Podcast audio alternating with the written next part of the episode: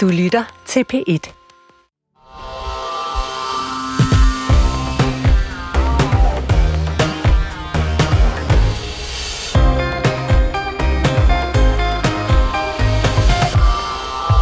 Som justitsministeren har redegjort for, så har der jo været en øh, del debat og, og ikke mindst fra medierne også interesse i den her sag, og derfor kan det jo være fint at udvide øh, undersøgelsen.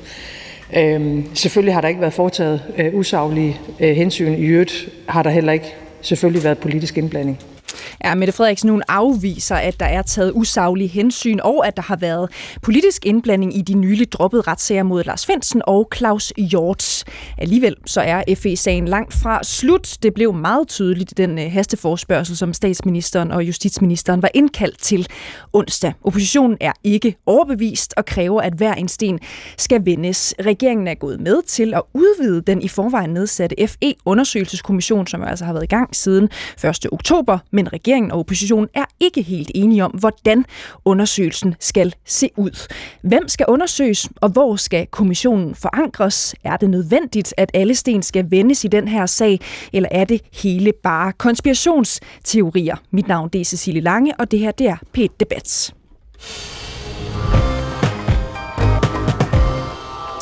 Maj Mercado, øh, velkommen til dig. Tak. Du er med os på en øh, forbindelse. Maj, øh, jeg vil godt lige starte med at spørge dig.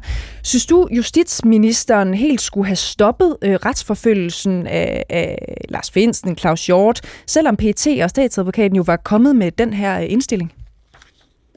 Det kan jeg jo ikke svare på, for jeg har jo ikke indsigt i anklagerne. Øh, så grundlæggende er det eneste, jeg ved, det er jo øh, det højesteret øh, sagde i, i sidste uge, og det er, at øh, en del af den sag kunne foregå for åbne døre, fordi at det primært øh, handler om kabelsamarbejdet.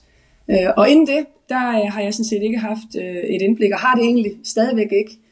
Øhm, så det kan jeg ikke svare på, om man skulle have ladet være med at føre sagerne. Nu spiller jeg lige et, et klip øh, fra dig. Det er fra, fra Peter Hummelgaard og, og den bemærkning, han havde på talerstolen i forbindelse med den her øh, hasteindkaldelse. Nu, nu, nu kommer det lige her. Det reelle spørgsmål i den her sag, det er ikke, om der har været tale om politiske eller andre usaglige motiver. Den handler derimod om lighed for loven.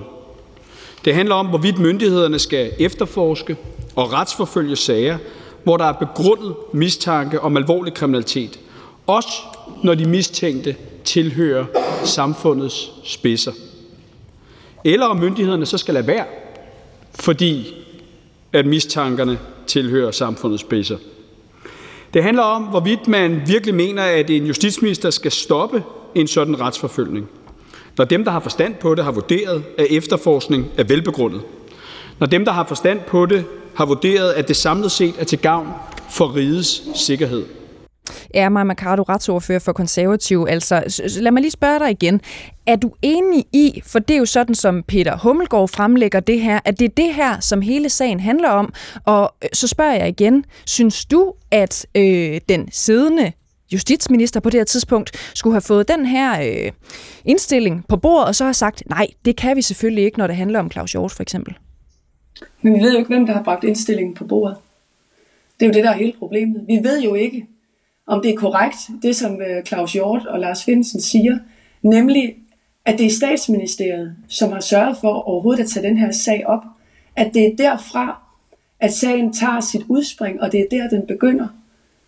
Eller er den egentlig startet i Justitsministeriet med øh, en rigsadvokat? Det ved vi jo grundlæggende ikke. Vi har i hvert fald bare de to hovedpersoners ord for, at den er startet helt oppe i det politiske øh, system mm. øh, og i statsadministrationen. Og hvis det er rigtigt, så bliver man jo nødt til at undersøge det. Og man kan jo ikke have lade, lade de spekulationer blive hængende øh, i luften. Og det er jo derfor, vi har sagt, at man bliver nødt til at udvide det kommissorium, således at man kommer hele vejen rundt. Og det er jo i sig selv lidt en, en vild øh, anklage Maja Mercado, når vi også har hørt både statsministeren og, og Peter Hummelgaard, justitsminister, sige, at det fungerer altså sådan i, i vores samfund, at den her indstilling er kommet fra, fra PET og i virkeligheden fra statsanklageren. Og så er det jo sådan, det har vi også hørt flere gange, at justitsministeren skal øh, godkende, nikke, at ja, jeg stoler selvfølgelig på, at det ved I bedst. Men det føler du da ikke overbevist om, at det er sådan, at den her øh, sag er kommet øh, ud i verden? Men jeg kommer ikke med nogen anklager, fordi jeg har ikke siddet i rummet, og jeg ved ikke, hvad der er foregået bag de lukkede døre. Jeg siger bare, at øh, lige nu, der er der jo ingen tvivl om, at øh, Danmarks øh, anseelse internationalt øh, lider øh, kæmpestort tab. Øh, vi, vi, kan også, vi kan også se, at øh, vi kan faktisk også se, at, at de to hovedpersoner jo selv siger, at det kommer helt op fra højeste ved. Så bliver man jo nødt til at få det undersøgt. Og, øh, og det kan godt være, at jeg har for mange øh, erfaringer med den øh, daværende minkkommission, men dengang der sagde man også, at der ikke var noget at komme efter. Og det viste sig jo, at det ikke var rigtigt, dengang det blev undersøgt til bunds. Det viste sig jo, at der blev delt advarsler ud til embedsværket, og der blev rejst kritik af statsministeren. Og derfor så har jeg egentlig bare som ærne at få lavet en kommissionsundersøgelse med ophæng i Folketinget, hvor det er Folketinget, der er opdragsgiver, således at man kan trække det fra mørket og ud i lyset, og sikre, at man kommer hele vejen rundt og forvent den her sag. For jeg mener ikke, Danmark kan jo ikke holde til, okay at der er de her spekulationer. Nej, og, og, og du føler dig altså ikke overbevist om, at, at det i den her sag er, er gået, som det plejer at gøre. Nu, nu vender jeg lige tilbage til sagens kerne, ikke? i hvert fald hvis vi skal tro øh, Peter Hummelgaard, mm. i forhold til, hvad den her sag i virkeligheden handler om. Det er jo øh, øh, sådan, at normal praksis er, at der kommer en indstilling fra først PT, så statsanklageren, så lander den på, ja, i, i det her tilfælde, så justitsministerens øh, bord, og, og så godkender vedkommende selvfølgelig det, det sker altid. Der er et enkelt tilfælde tilbage i 1981, hvor det ikke er, sket. er sket. Så, så rent principielt, Maja Mercado, øh, mener du så, at den siddende øh, justitsminister skulle have sagt, nej, den her indstilling vil jeg ikke gå med af hensyn til whatever? Men selvfølgelig skal det være sådan, at der principielt kan rejse sager, fordi hvis man måtte stå i en situation, hvor der er øh, en lækagesag, og, øh, og med også al, alvorligere læk, så skal vi jo have et system, der fungerer, så selvfølgelig skal man kunne det. Men når Claus Hjort jo så tydeligt siger, at han undervejs, imens han sad i Libert-programmet, øh, og bekræftede, at der var et kabelsamarbejde, at han så er bekendt med, at allerede der, der var det i statsministeriet, at man tog teten og kontaktede Justitsministeriet. Så bliver man jo nødt til at få undersøgt, hvordan den her sag den har sit udspring. Og jeg siger bare igen, jeg ved det ikke, men man bliver nødt til at få det undersøgt. Og lige nu er der lavet en undersøgelsesform, som er designet til at øh, holde øh, toppen af dansk politik udenfor, og holde toppen af statsadministrationen okay. udenfor, så de aldrig vil blive involveret. Ej. Det er den undersøgelsesform designet mm. til. Og det kommer vi tilbage til lige om et øjeblik, ja. øh, Maja Mercado. Jeg spiller lige bolden videre til dig, øh, Bjørn øh, Brandenborg. Nu hører du her fra din øh, øh kollega på, på Christiansborg, Maja Mercado fra Konservativ, at hun føler sig ikke overbevist om, at øh, ja, det her er, er øh, forløbet, som det plejer, hvor indstillingen kommer fra, fra PET så til statsanklageren, og så lander på et eller andet tidspunkt på justitsministerens bord. Hvad siger du til det? Øhm, jamen, jeg tror, jeg vil sige det sådan, så jeg bliver øh, øh, nærmest lige, øh, lige ked af det hver eneste gang, at, øh, at mig og andre gør det der, fordi det er udtalelser, som skaber øh, en meget, meget dyb øh, mistillid til vores øh, politi, til vores rigsadvokat, til justitsministeren og til hele øh, embedsværket. Og jeg synes, øh, som jeg har sagt også til mig øh, flere gange før, at det, det er langt ude at komme med, med sådan nogle, nogle påstande, der er øh, totalt øh, øh, udokumenteret. Men vi har hele tiden sagt, at når den verserende straffesag var afsluttet på den ene eller på den anden måde, så skulle der laves en kommissions øh, udvide den kommission, der arbejder nu for at få undersøgt, om der er foretaget nogle usaglige øh, hensyn. Og det er jo blandt andet for øh, at kunne få slået fast, at der ikke har været hverken politisk eller øh, personlig motivation for øh, at føre øh, de her sager. Mm. Og det har vi jo heldigvis øh, jo ikke, det er jo kun politikere, der har sagt det her de sidste par dage. Altså myndighederne har også været ude at sige det, hvis, hvis jeg bare lige må, må citere det, som PET-chefen Finn Borg Andersen han sagde. Det kan du tro. Han sagde, ingen, ingen fra politisk eller ministerielt niveau har på noget tidspunkt påvirket, hvordan PET's efterforskning er blevet gennemført, eller om den skulle være, eller om den skulle i gang sættes. Det alene, at den øverste chef for vores efterretningstjenester siger det, ikke er nok til, at konservativ folkeparti, som selv tidligere har siddet på justitsministerposten, som engang var et parti, der tog ansvar i regering, ikke har tillid til det, der bliver sagt, det synes jeg er, er meget, meget øh, bekymrende. Mm. Men nu får vi lavet Bjørn, en undersøgelse ja. af det her forløb, sådan, så vi forhåbentlig kan få manet øh, øh, de konspirationsteorier, der flyder fra mig og fra andre øh, til jorden. Mm. Og, og, og det er jo det, som det her program øh, øh, skal handle om lige om et kort øjeblik, Bjørn Brandenborg. Jeg vil bare lige øh, altså spørge dig, fordi du kalder jo det her konspirationsteorier, det har Peter øh, Hummelgaard, justitsministeren, også kaldt det her flere øh, omgange, altså de her beskyldninger om politisk indblanding. Øhm, har du en eller anden form for særlig adgang til dokumenter omkring det her forløb øh, som øh, retsordfører, som gør, at du 100% sikkert kan sige, at det her det er konspirationsteorier. Det har ikke noget på sig. Øh, ligger du inde med de dokumenter? Jeg tror, man skal bare nøjes med at lytte til det, som, som myndighederne siger øh, i den her øh, sag. Og, og myndighederne har udtalt af flere omgange, og nu også har haft behov for at gøre det efter straffesagen er slut, ja. at der ikke har været nogen, nogen politisk øh, indblanding. Og så tror jeg bare helt generelt, at det er en, det er en meget god grundvalg, at når det har at gøre med oplysninger om statens sikkerhed, om dem, der passer på os alle sammen, dem, der forhindrer, at der bliver begået terrorangreb i Danmark, og det gør de. De forhindrer, at der bliver begået terrorangreb i Danmark, eller passer på vores oplysninger. Når de, når de, når de, når de siger, at man ikke kan føre den her sag, fordi det kan kompromittere øh, øh, de oplysninger og landets sikkerhed, så har, så har jeg ja. som, som politiker ingen grund til at stille øh, spørgsmålstegn. Nej. Og det jeg spørger det. ind til lige, Bjørn Brandenborg, øh, her, det er, om du ligger inde med som retsordfører, jo, jo ikke minister og, og, eller noget som helst på, øh, på, på et andet niveau, og heller ikke i, i det tidsrum, hvor den her sag jo, jo øh, øh udfolder sig. Har du... Øh, dokumenter, en eller anden form for overblik over, hvem har gjort hvad, hvornår, som gør, at du 100% kan afkræfte, at de spekulationer, som øh, oppositionen jo øh, fremfører, de har intet på sig. Jeg har, jeg har ikke nogen dokumenter, okay. der ligger og flyder. Det, det, det tror så det, jeg Så det, det er det, simpelthen det, det, det tillid til myndighederne, ikke. du mener... Øh... Jeg håber ikke, der er nogen, der har... Jamen, omdrejningspunktet ja. for det her er jo tillid Godt. til vores myndigheder, og man har tillid til det, der bliver sagt. Må jeg godt bare lige sige, fordi mm. altså, det, er jo, det er jo ret... Altså, lad os nu lige tænke de ting, der bliver sagt til ende. Ja. Det, man, det, man påstår, det er, at der skulle sidde nogen i et system, enten på en politisk valgt post, eller i et, øh, et eller andet højt profileret embedsstilling, som først formår og sige til efterretningstjenesterne, nu skal I starte et stykke arbejde, og bagefter så får man overbevist anklagemyndigheden om, at, at de også skal gøre det, så får man overbevist Justitsministeriet og Justitsministeren om, at man skal føre det, og så skal man derefter igennem tre domstolsinstanser for at få nogen dømt. Altså det er, det er jo øh, teorier, der hører til i de mørkeste afkroge øh, af internettet, og alligevel er det noget, som jo gode gamle partier som konservative, jeg tror engang aldrig ville have drømt om, men nu, nu begynder at sprede de konspirationsteorier, og det er bare dybt dybt skadeligt for tilliden til vores institutioner og til de meget, meget dygtige mennesker, der arbejder med at passe på os alle sammen mm, til hverdag. Godt. Derfor synes jeg, at man skal holde op med at gøre det. Steffen Larsen, retsordfører fra Liberal Alliance. Er du med til at sprede konspirationsteorier, som øh, plejer at høre til i det dybe, øh, mørke øh, internet? Det mener jeg sådan set ikke, jeg er nej. øhm, jeg øh, må sige, jeg, jeg øh, tror på, at Folketinget blandt andet er sat i verden for at kontrollere den udøvende magt.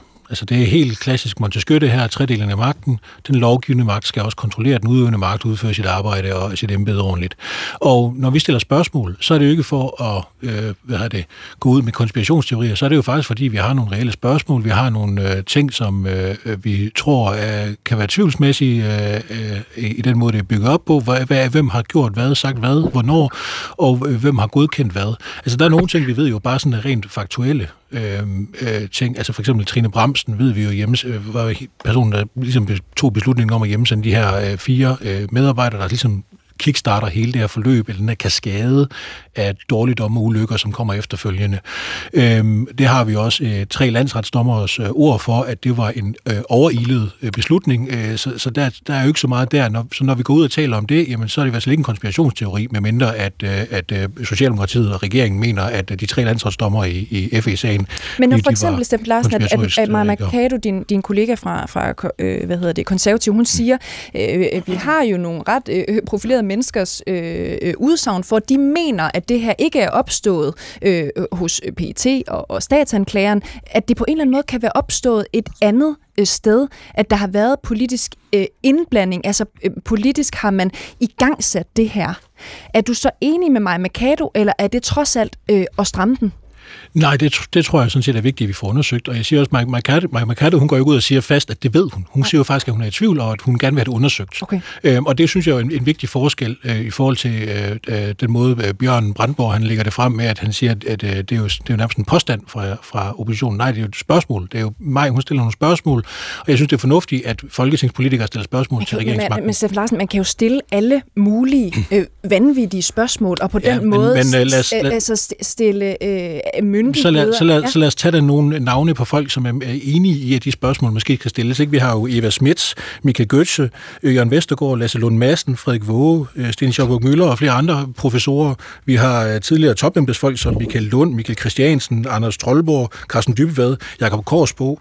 Øh, vi har også tidligere toppolitikere som Uffe Ellemann og Anders Fogh Rasmussen, der har stillet spørgsmål til det her. Altså, nogle gange bliver man også nødt til at sige, at hvis vejen er fyldt med spøgelsesbilister, så er det måske en selv, der er spøgelsesbilisten. Ja, okay.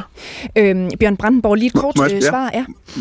Må, må, jamen, ja, men jeg, i virkeligheden vil jeg jo altså vil jeg gerne spørge Steffen, fordi nu slynger han det ud, og så siger han jo sådan, Nå, men det her, det er, jo, det er jo bare lige noget, jeg synes, man lige altså skal undersøge, men, men, men der er jo en påstand i det, fordi hvis, hvis, man, hvis man mener, at der er noget at komme efter, så, så kan man jo også spørge Steffen, om, om Steffen Larsen og Liberale Alliance så mener, at politiets efterretningstjeneste og anklagemyndigheden så lyver, når de går ud øh, nu, og er nødt til at gå ud nu og afkræfte de vilde beskyldninger, der kommer blandt andet fra, fra dit eget parti. Du har jo også en gruppeformand, der har skrevet på sociale medier om navngivende embedsfolk i, i anklagemyndigheden, som han mener lyver.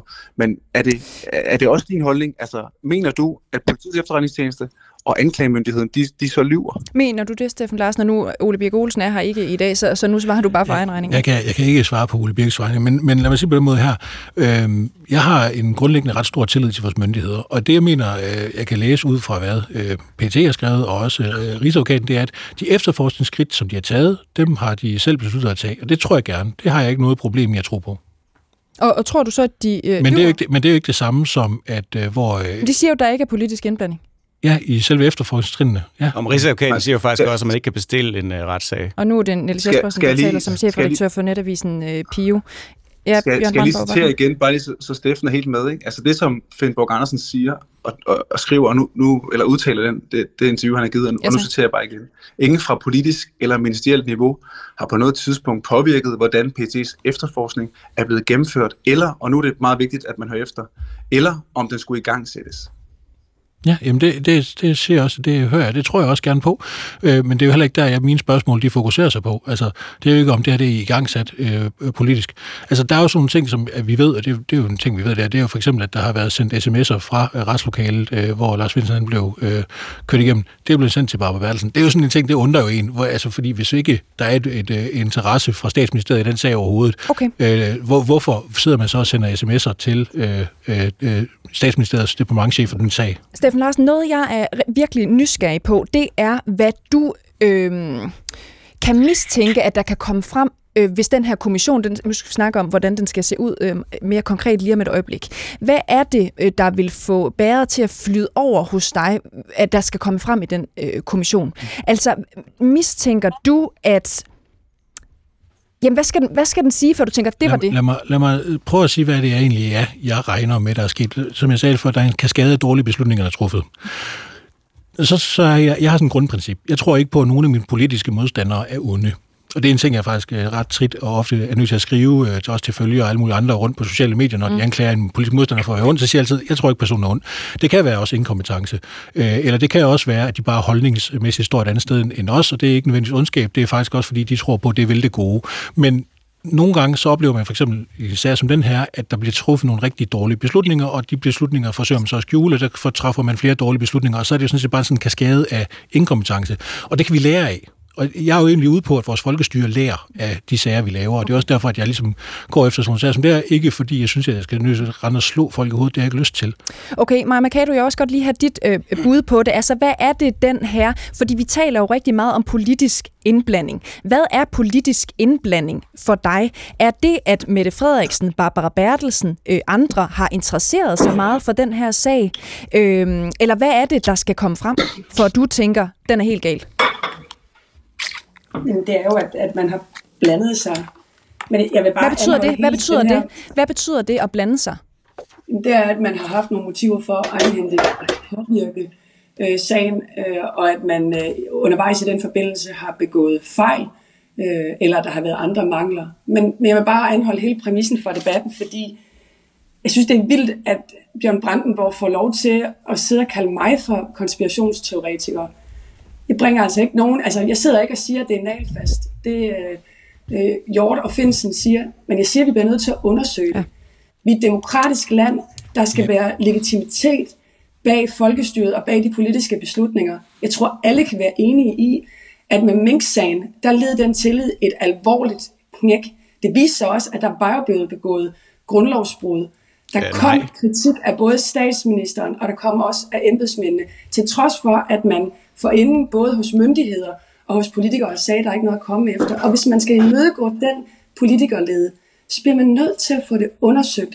Og så nytter det ikke noget, at man laver sådan en stråmand, hvor man forsøger øh, i en politisk debat at kaste alle, øh, alt over på en oppositionspolitiker, mm. altså mig ved at kalde mig konspirationsteoretikere. Okay. Vi bliver nødt til at få undersøgt det her af hensyn til at sikre legitimitet bag fremtidige politiske beslutninger, og for at undgå politikerlede. Og nu er jeg vant til, at Bjørn Brandenborg han ja. afbryder, for det gjorde han også sidste fredag. Ja, og jeg skal jo sige, at I er med på øh, forbindelser øh, begge to, så derfor kan det være en lille smule svært for, for alle at komme til ord. Vi gør det bedste, vi kan øh, herindefra. Vi skal tale om den der undersøgelse nu. Hvordan skal den se ud? Hvor skal den forankres? Hvem skal øh, øh, undersøges? Og derfor det er I nemlig ikke helt øh, enige om. Øh, det er bare en af flere ting, I ikke er enige om. Men jeg vil godt lige starte med at byde velkommen til Frederik Våge, øh, som er med os på en forbindelse fra Odense. Velkommen til dig, Frederik. Tak for det. Du er juraprofessor i forfatningsret øh, fra SDU. Frederik, regeringen er jo gået med til at udvide den her i forvejen nedsatte FE-undersøgelseskommission, som har været i gang siden 1. oktober. Øhm, forstår du, at oppositionen har et behov for at få ændret i kommissoriet, øh, øh, og at de advokerer helt vildt meget for det lige i de her dage? Ja, det forstår jeg sådan set godt. Øhm, jeg synes, at man må være opmærksom på, øh, jeg skal ikke lægge skjul på, at jeg selv og øhm, og en række af mine øh, kolleger øh, fra, fra retsvidenskaben har i lang tid argumenteret for, at, at det her forløb det bør underkastes en, en undersøgelse. Øhm, vi er i den situation her, at når det gælder forsvars- og efterretningstjeneste, så er der ikke et tilsyn med de beslutninger, der bliver taget, der på nogen måde er sammenligneligt med det, vi kender fra resten af forvaltningen. Vi kan ikke få kontrol fra måske vigtigst af alt, Folketingets ombudsmand, der ikke har nogen øh, beføjelser på det her område. Så vi er på et område, som er helt, øh, helt lukket.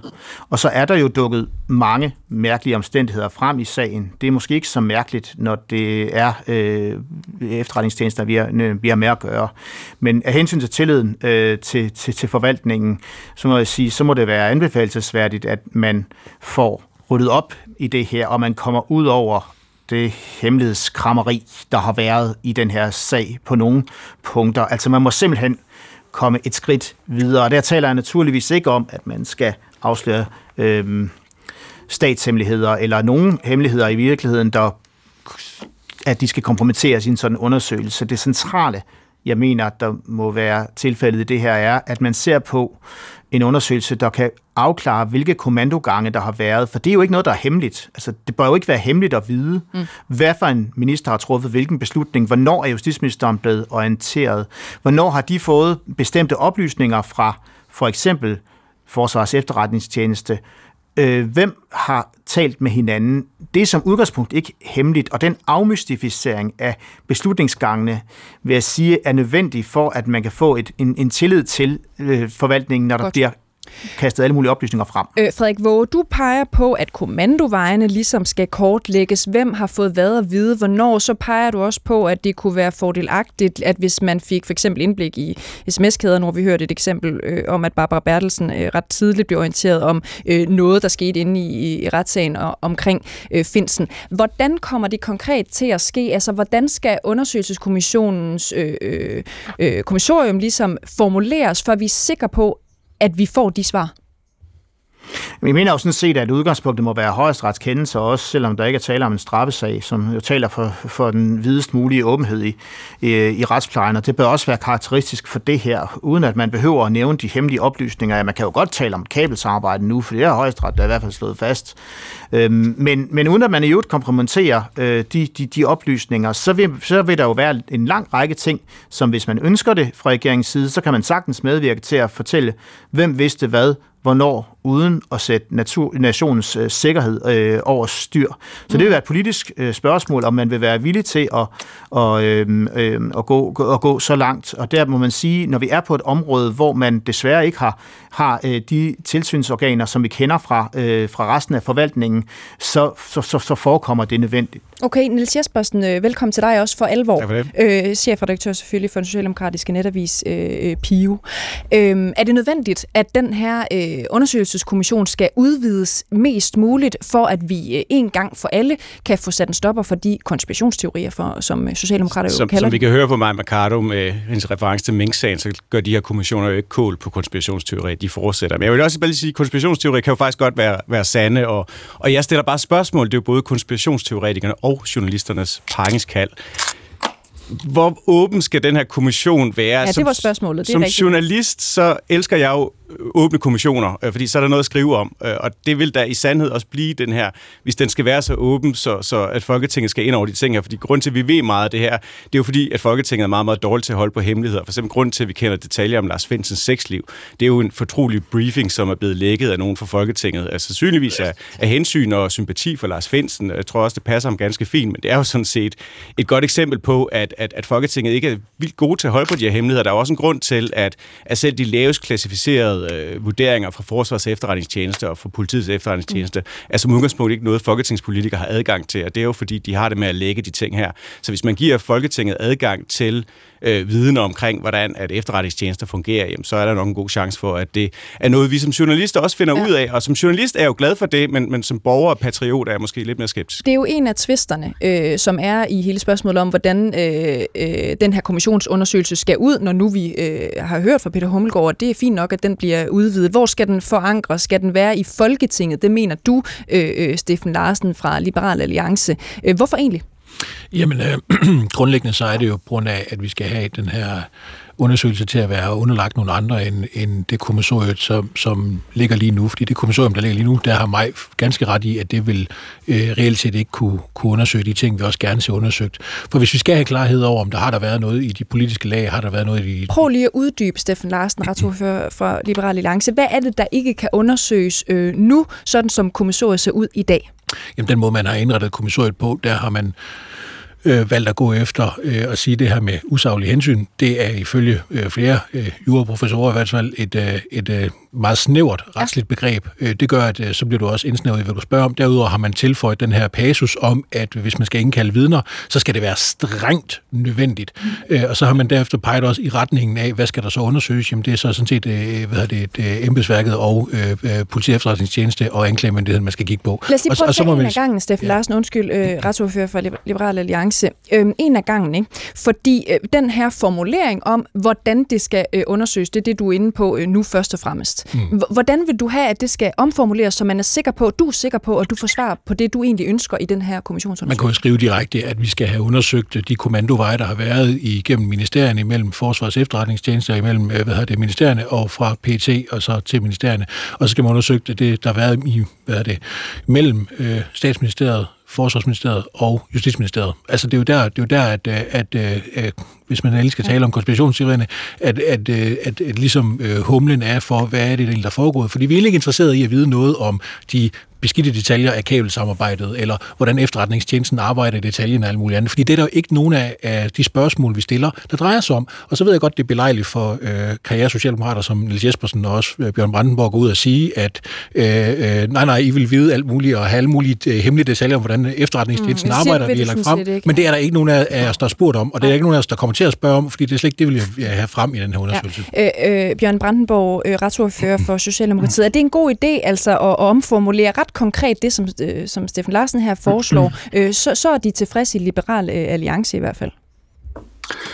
Nej, jeg mener nok ikke, den konkrete formulering er, er en god idé. Ikke? Jeg synes, det er, men jeg synes, det er en god idé at udvide øh, undersøgelsen og, og det kommissorium, der ligger nu. Og det har vi jo sådan set også hele tiden sagt, at når vi var på den anden side af en straffesag, så skulle vi udvide undersøgelsen til også at omfatte, hvorvidt der er varetaget usaglige hensyn i forbindelse med efterretningstjenesterne og ja, anklagemyndighedens Og det er den formulering, ikke Bjørn Brandenborg, som, som Steffen Larsen jo, men, og andre, jo. de er ikke helt øh, øh, tilfredse med den. Så hvad med, Nej, at, nu, at man så. Øh, lytter på oppositionen, den, det er jo en stor øh, øh, opposition, som mener, at det er ikke øh, det er jo ikke øh, øh helt Steffen, korrekt nok. Det er jo ikke helt øh, detaljeorienteret nok. Kan du ikke gå med på den? Jamen, vi lytter skam også til, til oppositionen, og det er jo derfor, at ministeren allerede har varslet, at, at retsordførende bliver indkaldt til et møde, hvor vi skal diskutere de her ting, fordi øh, usaglige hensyn i den her scene, som det er, det er foreslået fra Justitsministeriet, jamen det er jo at kigge på øh, Øh, i virkeligheden alle de øh, beskyldninger som, øh, og konspirationer, der kommer fra, fra Steffen og fra mig og fra andre, altså om der skulle have været politiske motiver. For eksempel ville det jo være usagligt, hvis man tænkt eksempel indledte en straffesag som led i, i politisk forfølgelse, og derfor mange af de der teorier, der er, er jo noget, som, som der skal undersøges.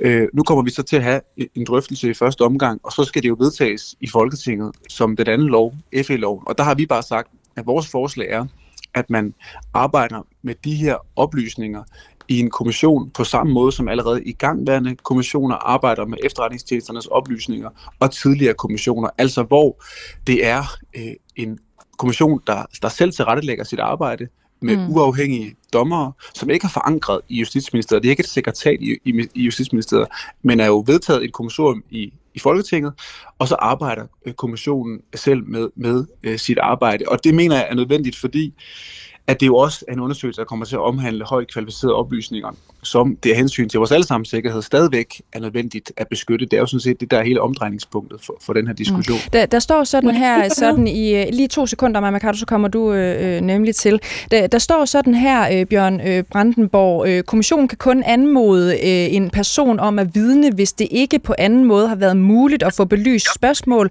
og kommissionen vurderer, at det er strengt nødvendigt for en tilstrækkelig oplysning af sagen. Det fremgår af øh, loven, altså bag den nedsatte undersøgelseskommission, som den er øh, i dag, den der blev nedsat 1. oktober. Det vil sige, at der skal meget til, altså før øh, kommissionen overhovedet kan indkalde et vidne.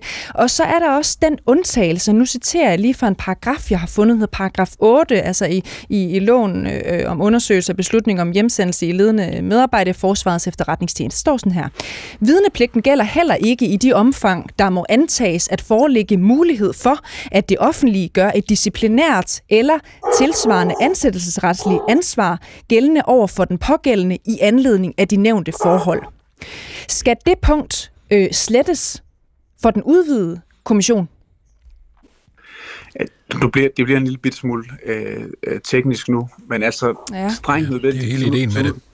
Som udgangspunkt, som, som udgangspunkt når man arbejder på, med kommissioner på den her måde, så, så er det jo skriftligt, og så er der mulighed for, at man kan indhente bidrag, og, og strengt nødvendigt i den her sammenhæng lægger op til, at um-, undersøgelseskommissionen skal undersøge, øh, om det at kalde et vidne ind til, øh, ind til sig hjælper med at belyse sagen. Og det er selvfølgelig vigtigt i forhold til de oplysninger, ja. som der bliver delt i de her sager, fordi det er fortrolige oplysninger. Ja. Men som jeg har sagt... Det er med har, på, øh, Bjørn vi, Brandenborg. Men det, det jeg spørger ind til nu, ikke? Ja, undskyld, det er bare det, fordi jeg synes, du er lidt på... Du, ja, jeg ved det godt, men det, du er lidt ude på et sidespor, ikke? Det jeg spørger ind til... Nej, det er faktisk ikke, okay.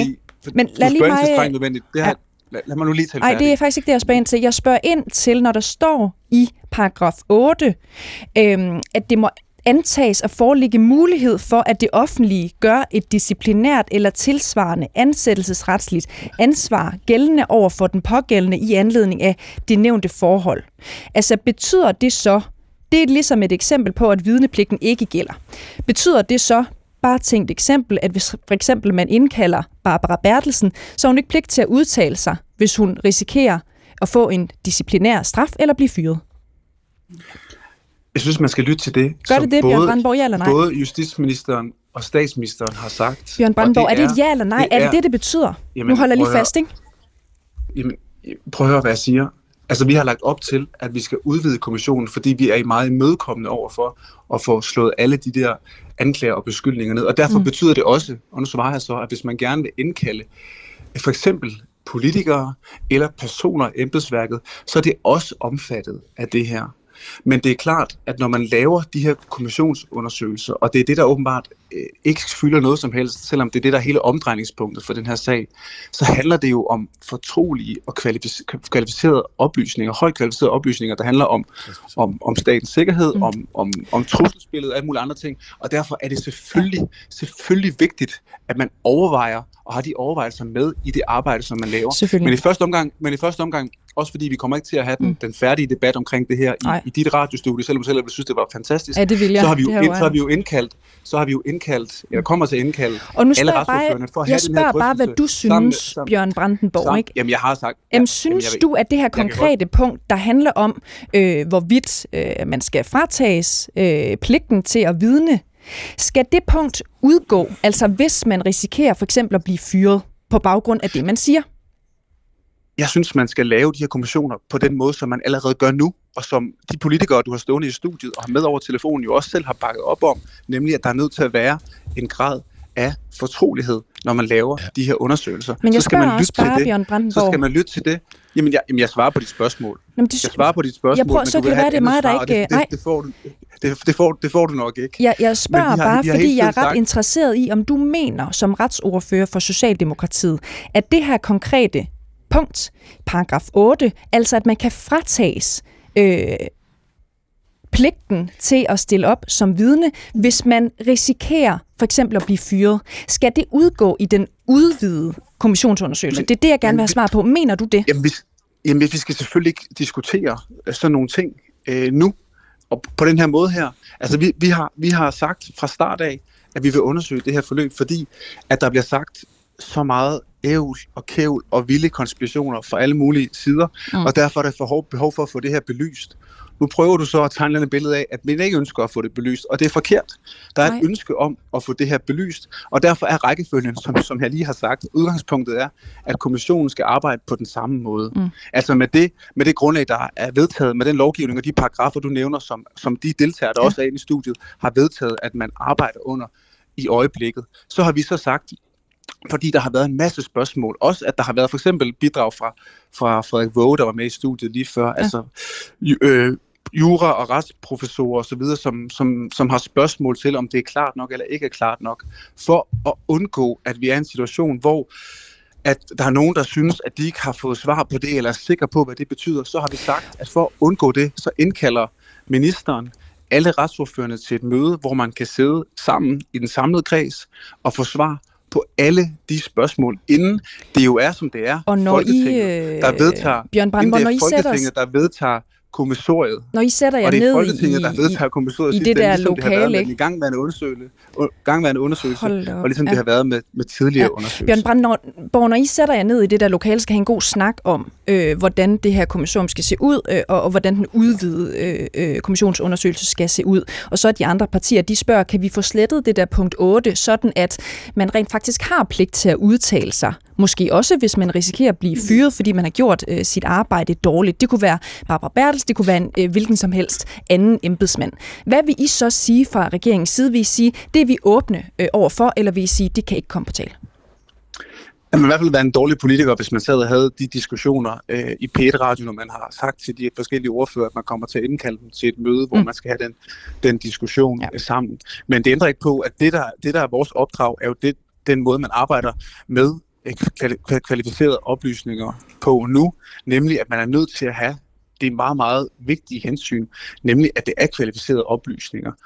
Øh, og derfor skal man selvfølgelig i alle de skridt, man tager i sådan en kommission, have det med i sin overvejelse. Godt. Det ændrer ikke på, at kommissionen selv kommer til at tilrettelægge sit arbejde, og selv kommer til Godt. at være med til at beslutte, hvad det er for nogle mennesker, de har brug for at få bidrag fra, uanset om det er skriftlige eller om det er mundtlige bidrag. Godt. Lad os lige prøve at, at, at spille bolden videre, Maja Mercado. Hvad, hvad synes du om, om det svar, du øh, får her øh, altså fra øh, Bjørn Brandenborg fra Socialdemokratiet?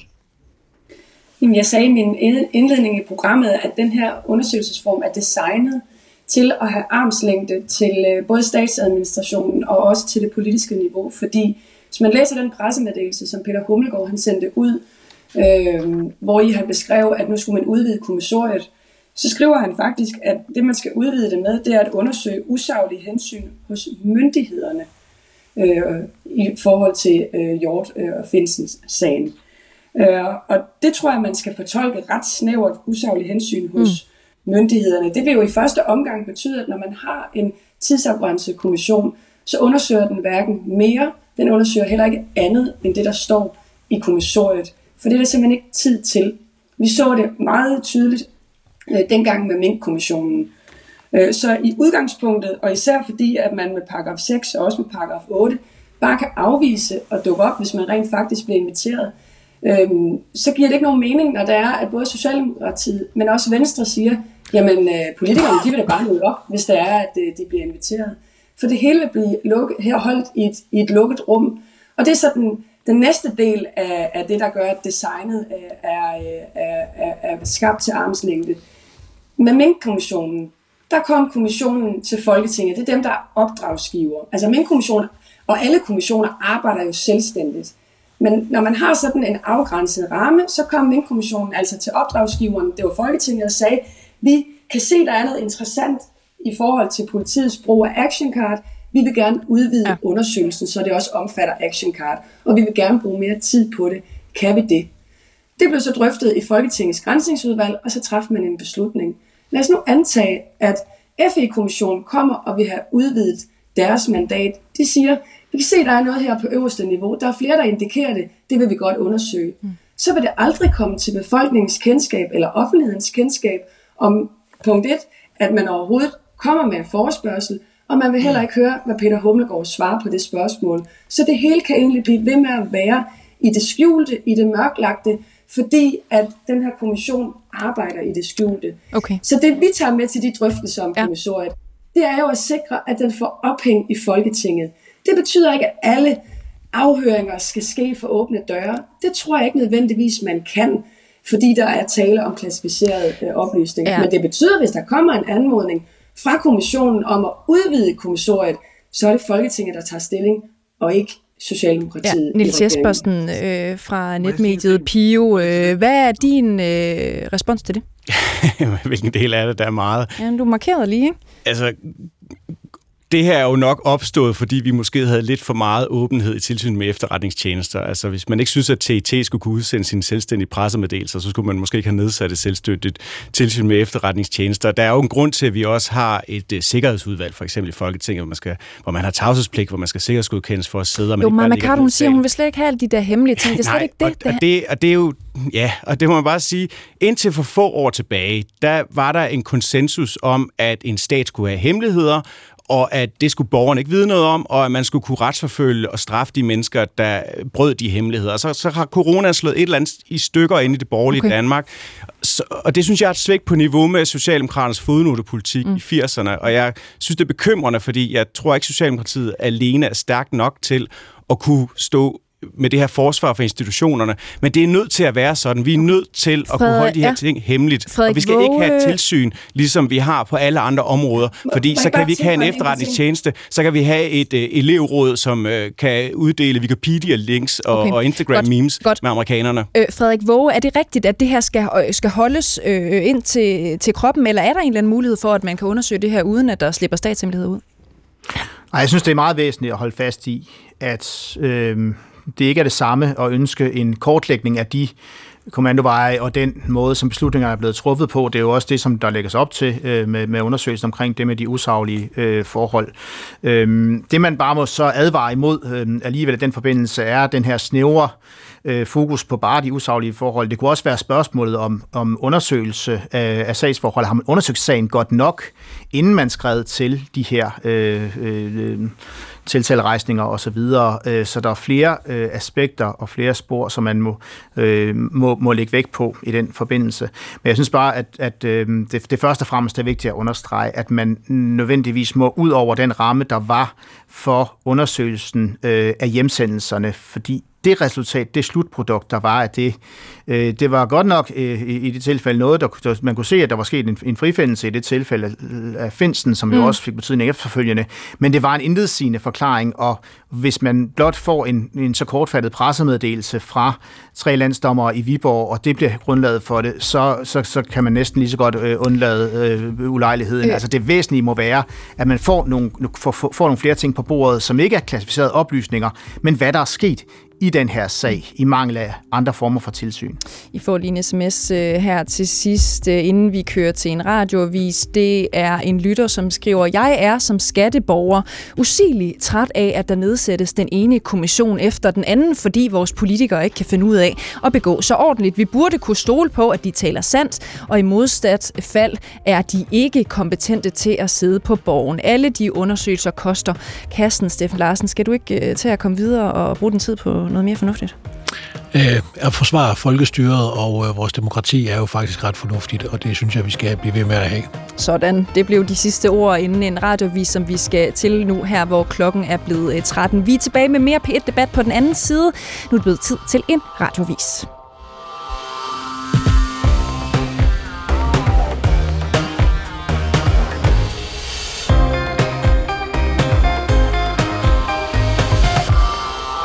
Mette Frederiksen afviser, at der er taget usaglige hensyn over, at der har været politisk indblanding i de nyligt droppede retssager mod Lars Finsen og Claus Hjort. Alligevel så er FE-sagen langt fra slut. Det blev meget tydeligt til den hasteforspørgsel, som øh, statsministeren og justitsministeren var indkaldt til onsdag. Oppositionen er ikke overbevist og kræver, at hver en sten skal vendes.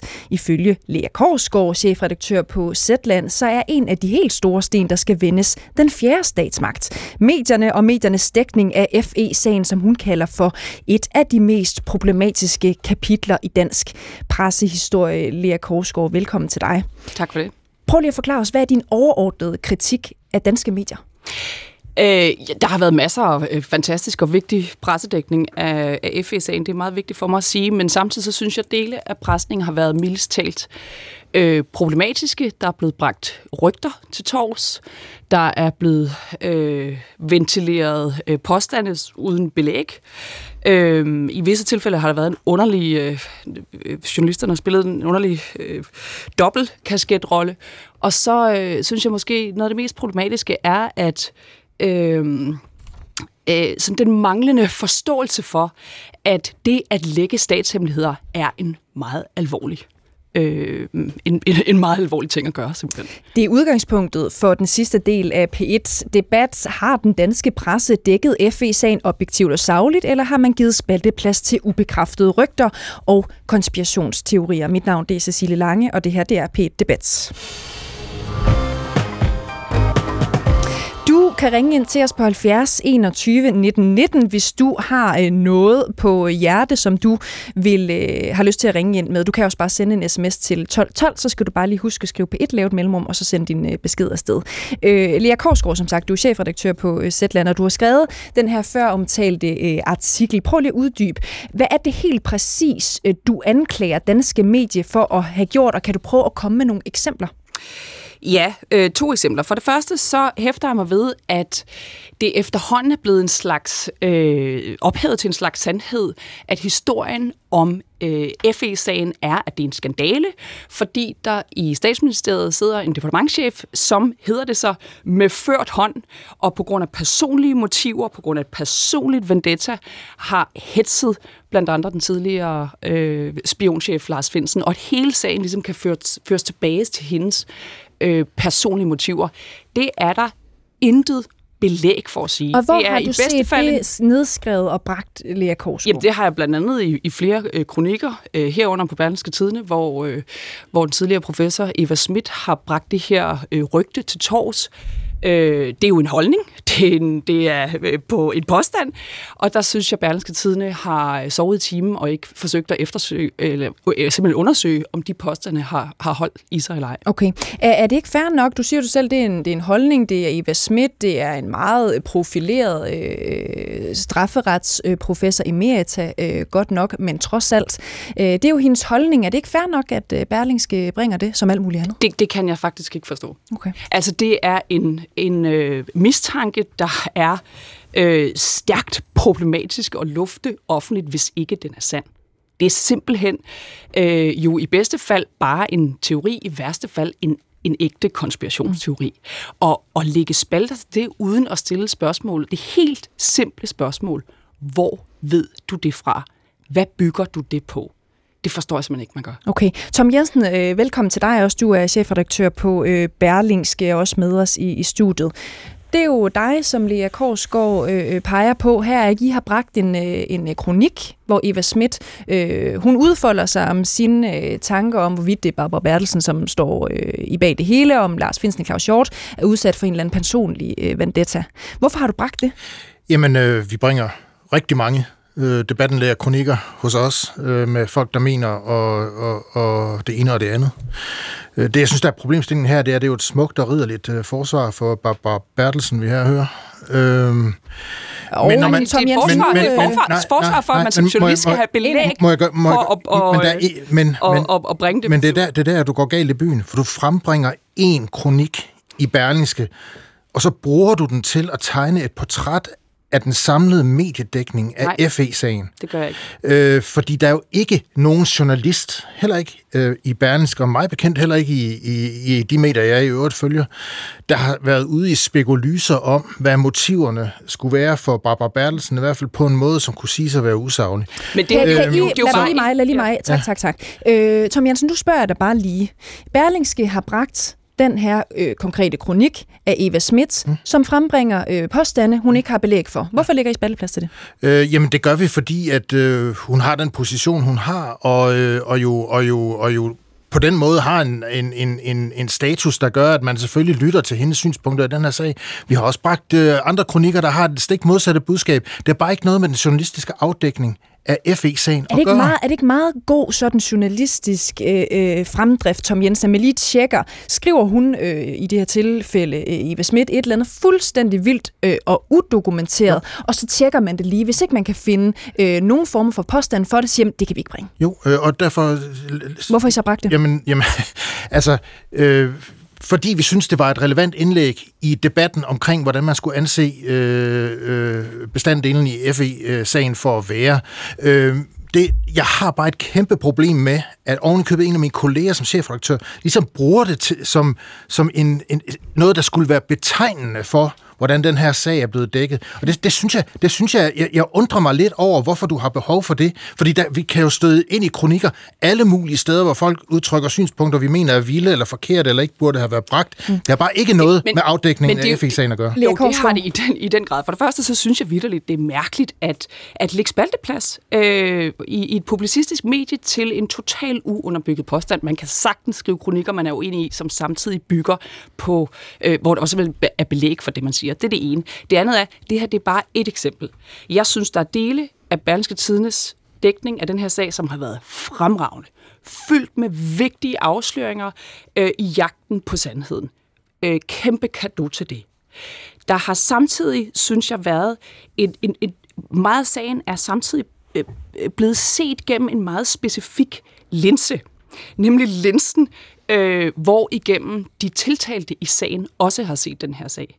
Altså Vi- Lars Finsen og Nu skal og jeg lige være med, Lea Korsgaard. Du siger, at der er ikke en finger at sætte på den i øvrigt øh, fremragende dækning, som for eksempel Berlingskes øh, Jeg synes, gravergruppe noget, har. noget af dækningen har fuldstændig afgørende og vigtigt. Ja, ja. Men du siger også, at den er set gennem en bestemt linse. Jeg, jeg savner, at der er blevet forsøgt efterprøvet andre perspektiver, end det, jeg, jeg kan betragte har været øh, ligesom øh, hovedmotivet, kan man sige. Men hvorfor har I så Og- ikke og- gjort det på Zetland? Det har vi da også. Hvis I var utilfredse med vores perspektiv, fordi vi har et- et væld af medier i, i Danmark, mm. og, og der var jo, øh, har jo været, altså det er jo tre et halvt år siden snart, at øh, sagen brød ud. Hvorfor har I ikke brugt de tre et halvt år på at forsøge at finde andre perspektiver på sagen, hvis I synes, det har været meget, meget afgørende for mediet? Spørger Det har Tom vi. Jensen fra Berlingske. Vi, vi, vi har lavet en lang og helt vildt grundig serie, hvor vi har forsøgt at efterprøve blandt andre de her påstande, og ikke kunne finde belæg for dem. Mm. Og dermed synes jeg øh, bidraget ret væsentligt til at afdække, hvad Lea Korsgaard, må aviser slet ikke fortælle om øh, teorier, som florerer blandt øh, danskerne, give spalteplads til på øh, lederniveau og i debatindlæg øh, osv.? Er det ikke øh, fuldstændig det samme, som politikken gør, og som øh, information gør, og alle mulige andre? Jo, men det, der har været problemet, synes jeg, sådan hovedproblemet, det er, der opstår på et tidspunkt det, man, jeg tror, man i, i efterretningslingo øh, vil kalde en lækageproblematik. Altså, der er simpelthen mennesker, vi ved ikke hvem, øh, men der er mennesker fra formentlig eller øverste sted, der begynder at lægge øh, statshemmeligheder til pressen. At pressen dækker, øh, bruger de oplysninger, er der i mine øjne ikke nødvendigvis noget galt med. Det kan være i et nobelt ærne på at finde ud, hvad der er op og ned. Og at man, men at man efterfølgende der, synes jeg, øh, bevæger sig ud i et mærkeligt, øh, en problematisk situation, hvor man på den, i et forsøg på at beskytte disse kilder, mm. samtidig varetager deres interesser. Okay, Tom Jensen, Det er- Berlingske... det er ja, nu, Øh, lige, Lea, Lea nu, du har lige beskyldt Berlingske for at bringe en kronik, der bygger på øh, udokumenterede øh, spekulationer. Nu står du selv og spekulerer om, at personer på allerhøjeste niveau har lækket oplysninger. Vi har lige set to sager. Vi har lige statshemmeligheder. Ja. Vi har lige stået, vi har lige set to sager mod Lars Finsen og mod Claus Hjort Frederiksen blive frafaldet. Mm. Hvad bygger du den antagelse på? nu skal jeg lige være med. Øh, øh, anfægter du om øh, øh, Lars Finsen og Hjort har videregivet øh, statshemmeligheder? Men de, de, sagerne mod dem er lige blevet det frafaldet. det er sagerne mod, mod dem er lige blevet frafaldet. Så jeg, jeg spørger bare Lea. Lea beskylder os for at viderebringe oplysninger, som ikke kan dokumenteres vilde teorier. Øh, er det ikke en lidt vild teori, øh, efter de to sager er frafaldet at stå fremkomme med her, at, at ikke personer på højeste niveau skulle have lægget Jeg siger, jeg statshemmeligheder? kan konstatere, da jeg øh, læser blandt andre Weekendavisen, blandt andet Berlingske Tidene, øh, i, i dagene efter, at Lars Finsen og andre blev sendt hjem fra FE, der, øh, der blev kabelsamarbejdet for første gang i offentligheden beskrevet i den slags detaljer, man kunne se der.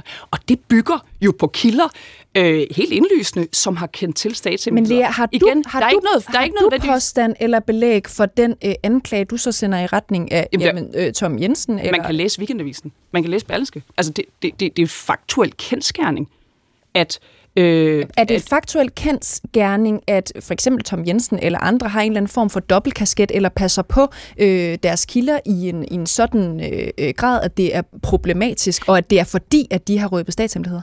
Har du, post, har du belæg for at sige det? Jeg kan simpelthen konstatere, at det er en faktuel kendskærning, at øh, blandt andre Weekendavisen, blandt andre Berlingske Politikken, har øh, kilder, der har øh, på den ene eller den anden måde været med til at kunne fortælle om kabelsamarbejdet. Igen, det er der sådan set ikke i og for sig noget galt med.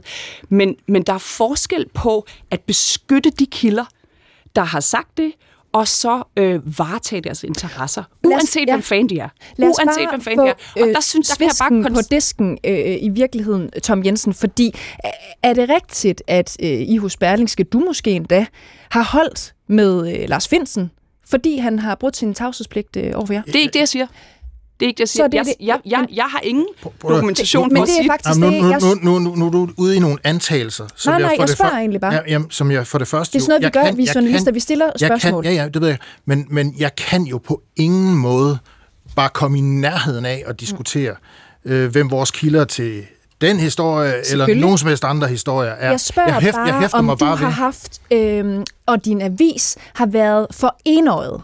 Har I holdt med? Har I forsøgt at beskytte jeres kilder? Nej, jeg, jeg, jeg, mener, jeg mener, at vores tilgang i den her sag, det har været at forsøge at afdække, hvad der rent faktisk øh, er bestanddelen i den her sag. Blandt andet jo, øh, var vi øh, det medie, der i 2022 allerede kunne afdække det konkrete indhold af anklageskrifterne mod Lars Finsen mm. og Claus Hjort Frederiksen. Det har været vores tilgang. Okay, og det var, fremragende, det var fremragende gjort. Vi har højesterets ord for i dag, at selvom højesteret jo endte med den konklusion, at noget af sagen hvis den var blevet kørt, skulle føres for åbne døre, og noget skulle føres for lukkede døre. Mm. Så har vi stadigvæk i dag højesterets ord for, at det, som Lars Finsen har sagt til to journalister ifølge anklageskriftet, det er sandsynliggjort, mener højesteret, at øh, det ville skade øh, forholdet til fremmede magter, hvis det kom frem i mm. offentligheden. Så vi ved, at øh, de, de tidligere tiltalte har sagt noget til medierne, som i hvert fald, vi har højesterets ord for, for er øh, øh, panibelt, lad os sige det på den måde. Okay, øh, og, og, og igen, fair nok for at, øh, at, at forsøge at... Øh, øh, det skal vi i medierne for filen. Øh, afdække, hvad, hvad er op og ned, men der er bare forskel på at afdække, hvad der er op og ned, og så øh, ensidigt dække historien fra øh, fra et perspektiv. Mm. Torben Ørting, velkommen til dig. Ja. Du er formand for Folk og Sikkerhed, du er foranværende øh, kontradmiral. Da min kollega talte med dig i går, øh, Torben, der sagde du, at du ville egentlig godt lige tage den skridt videre end, end Lea Korsgaard, og, og så siger du simpelthen, at medierne de er gået på en skovtur. Øh, hvad mener du med det? Ja, altså min holdning er helt klar. Øh, der blev afsløret statshemmeligheder i den artikel, som blev bragt i Berlingerne den 13. september 2020 i en detaljeringsgrad. Hvad nu lige det var for en, øh, Det var den der, øh, som fortalte om i et øh, øh pengeskab i kastellet øh, og så videre og så videre. Detaljer af den yderste hemmelighed i øh, dansk efterretningsaktiviteter blev læsset ud, samtidig med, at der i øvrigt stod, at øh, det her det vil medføre, at øh, man citerede kilder for at sige, at det, her, det vil medføre, at Danmark øh, mister en hver anseelse de næste 20-30 år, som Holland tidligere har gjort, og, og, og skadesvirkning på skadesvirkning på skadesvirkning ved at det er kommet frem. Det blev også i artiklen øh, på, øh, pointeret at indholdet af den artikel har aldrig været bragt tidligere. Altså det var en breaking the news. Mm. Man har haft gode kilder til den her artikel. Men det, der bare er kendskærningen, det er på det tidspunkt, hvor man bringer de her informationer, der er det statshemmeligheder. Og straffelovens paragraf 109 har to elementer. Det gør det ulovligt at røbe statshemmeligheder, men det gør det også ulovligt at viderebringe dem. Okay. Og derfor så er min påstand, at efter et besøg på chefredaktionerne, som jeg forstår, at uh, chefen for uh, politiets efterretningstjeneste og den fungerende uh, chef for efterretnings uh, FE uh, gjorde, der har man henledt uh, redaktørernes opmærksomhed på, at det er kendskærningen. Siden da har jeg oplevet en ensidighed i mediedækningen omkring det her, som i min optik gør, at man kan frygte, at det, der i virkeligheden var det styrende, det var at undgå selv at komme under anklage for en 109 øh, tiltale, som har en straframme på 12 år, og hvor beskyttelse af kilder ikke længere øh, gælder, øh, som er så alvorlig, at det virkelig har en, en negativ indflydelse på det her, at man drejede sagen ind mod alt andet, end det den egentlig drejede sig om, nemlig skandalen af lækken af okay. de her hemmeligheder, og så over til at være et eller andet Barbara Bertelsen, Mette ja. Frederiksen, øh, halløj. Ja. Øh, Tom Jensen øh, fra Berlingske, det er jo nok ikke første gang, du, du har hørt den øh, teori eller bekymring i virkeligheden mm. fremsat. Altså, har det noget øh, på sig, at man efter, måske I på Berlingske er blevet bekendt øh, med, måske sidder vi selv øh, lidt for meget med, med fingrene i fadet i den her sag, måske risikerer jeg som chefredaktør i virkeligheden at ryge en tur øh, i spillet, så har I ændret fokus. Nej, vi har ikke ændret noget fokus. Og jeg synes jo, jeg synes jo det er en lidt underlig betragtning. Altså for det første, for det første må, må, må jeg starte med, med, med starten. På det her tidspunkt, hvor vi bringer den der historie, der har øh, forsvarsministeren hjemsendt hele ledelsen af FE, øh, FE altså Forsvarets mm. Efterretningstjeneste. Det er jo et virkelig, virkelig dramatisk skridt uden fortilfælde i nyere Danmarks historie. Selvfølgelig er det en opgave for medier at finde ud af, vil, hvad er omdrejningspunktet for så alvorligt et skridt. Det, det, det mener jeg er en kerneopgave. For det, det andet, ikke. for det andet hvis, hvis vi skulle føle os på en eller anden måde påvirket af at have været til møde med, med i mit tilfælde, FE-chefen, som jeg jo spurgte om den, øh, om den øh, øh, advarsel, eller hvad man nu skal øh, øh betragte, han kom med, om den galt øh, fremadrettet, eller den galt øh, historie, vi allerede havde bragt, øh, og blev, blev gjort opmærksom på, at det, det, det var kun fremadrettet. Hvis vi, hvis vi på en eller anden måde skulle have lavet os påvirke af det, så var det mest sandsynligt jo nok, at vi havde trukket følehornene til os af frygt for at komme i fængsel. Øh, så jeg, så jeg synes selv, selve, det der, selve den der teori om, at, at det eller noget andet skulle have gjort, at vi at vi på en eller anden måde har taget skyklapper på og dækket sagen ensidigt. Altså, det, det er ikke de samtaler, vi har haft i vores, øh, i vores, øh, på vores redaktion, og jeg mener, det er et forkert billede af den samlede dækning. Tom Ørting, er det ikke en færre pointe, hvis det er, som du siger, at man på en eller anden måde har lavet sig påvirke på chefredaktørniveau øh, øh, med den advarsel, som, som, som man har fået, hvis man har siddet inde hos, øh, hos FE for eksempel, at så var det da mere naturligt, at man trak følehornene til sig? Nej, i det her tilfælde, og jeg ved jo ikke, hvad der er blevet drøftet øh, under det møde der, jeg kan bare konstatere, at øh, loven siger, at viderebringelse af statshemmeligheder også er strafbart, og der er viderebragt stra- øh, statshemmeligheder. Det understreger man selv i den artikel, man skrev.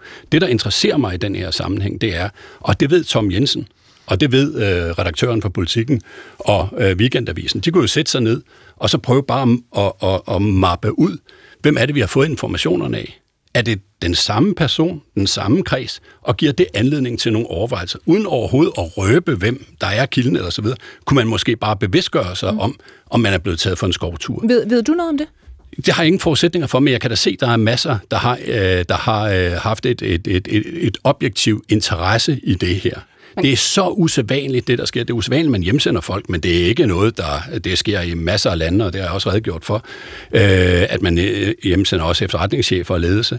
Det helt afgørende her, det er, at det giver anledning til, at dybe statshemmeligheder bliver læsset ud i detaljegrad, som er uhørt. Okay, Lea Korsgaard fra Sjælland. Ja, det er, jo det, der, det er jo det, der er vanskeligt som medie her. Øh, øh, især som medie, øh, der har en kilde, der har øh, angiveligt lækket statshemmeligheder. Øh, det er jo vanskeligt, for det er ulovligt at lægge statshemmeligheder. Øh, det er også ulovligt at bringe dem, faktisk. Mm.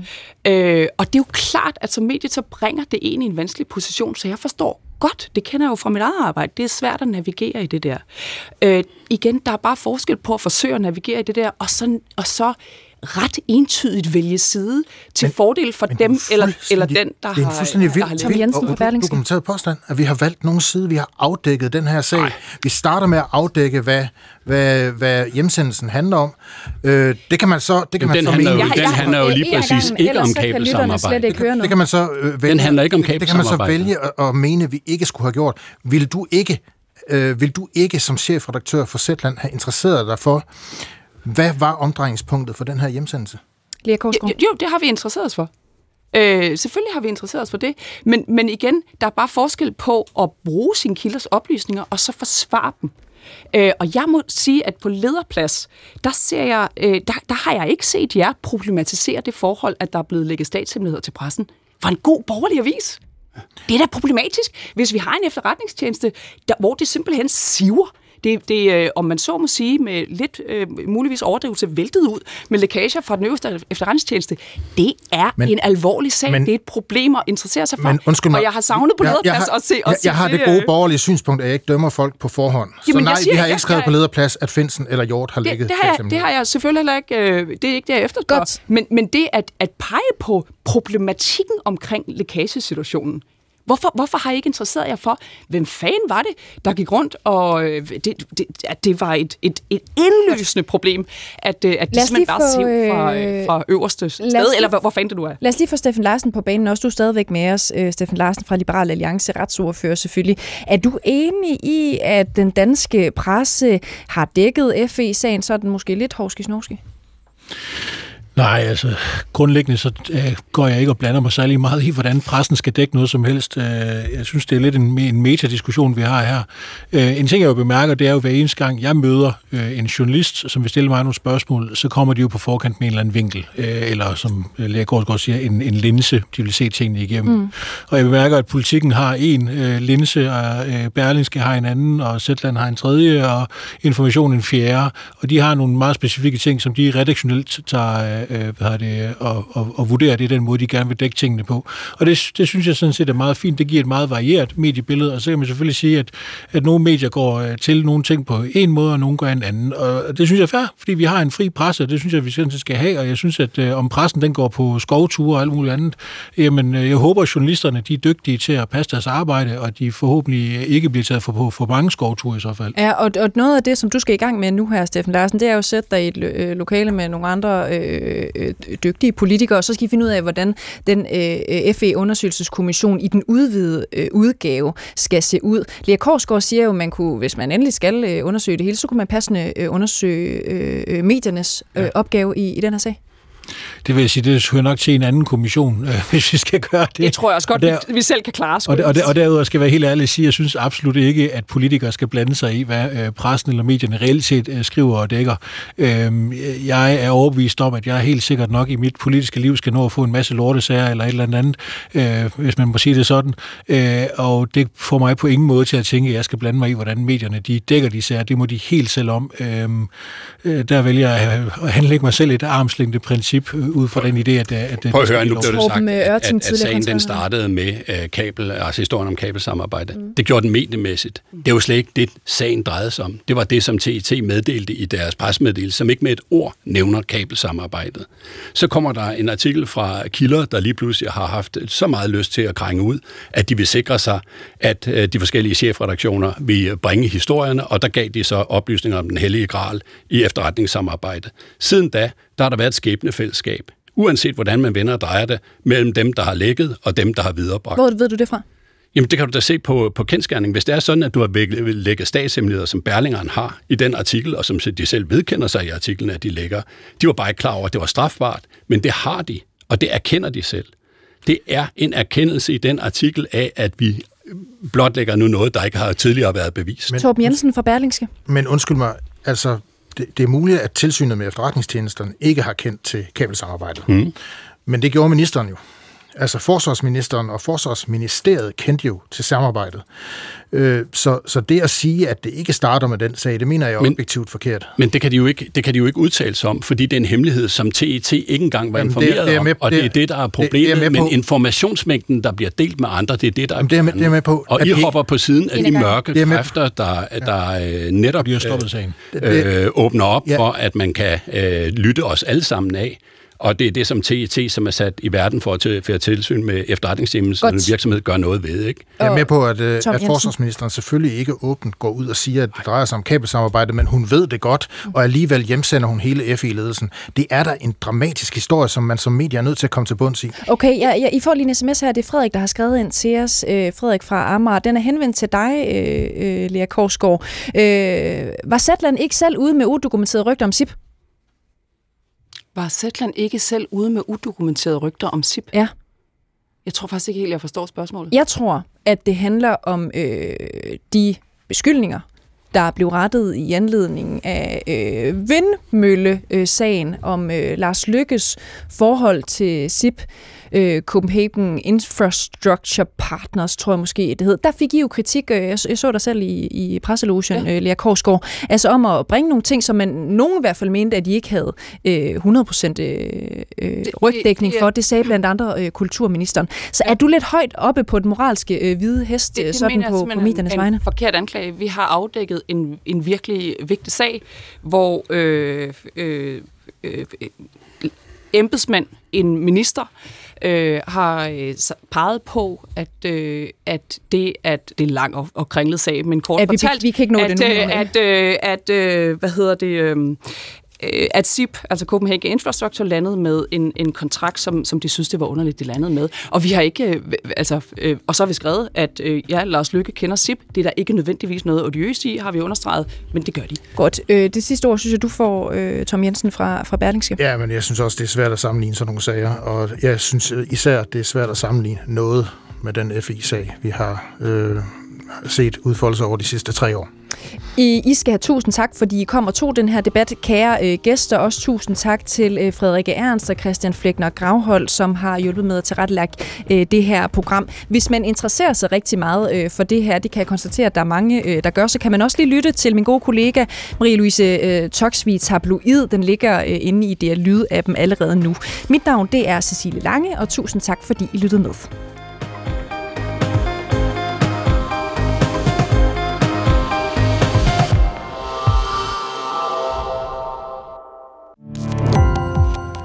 Gå på opdagelse i alle DR's podcast og radioprogrammer. I appen DR Lyd.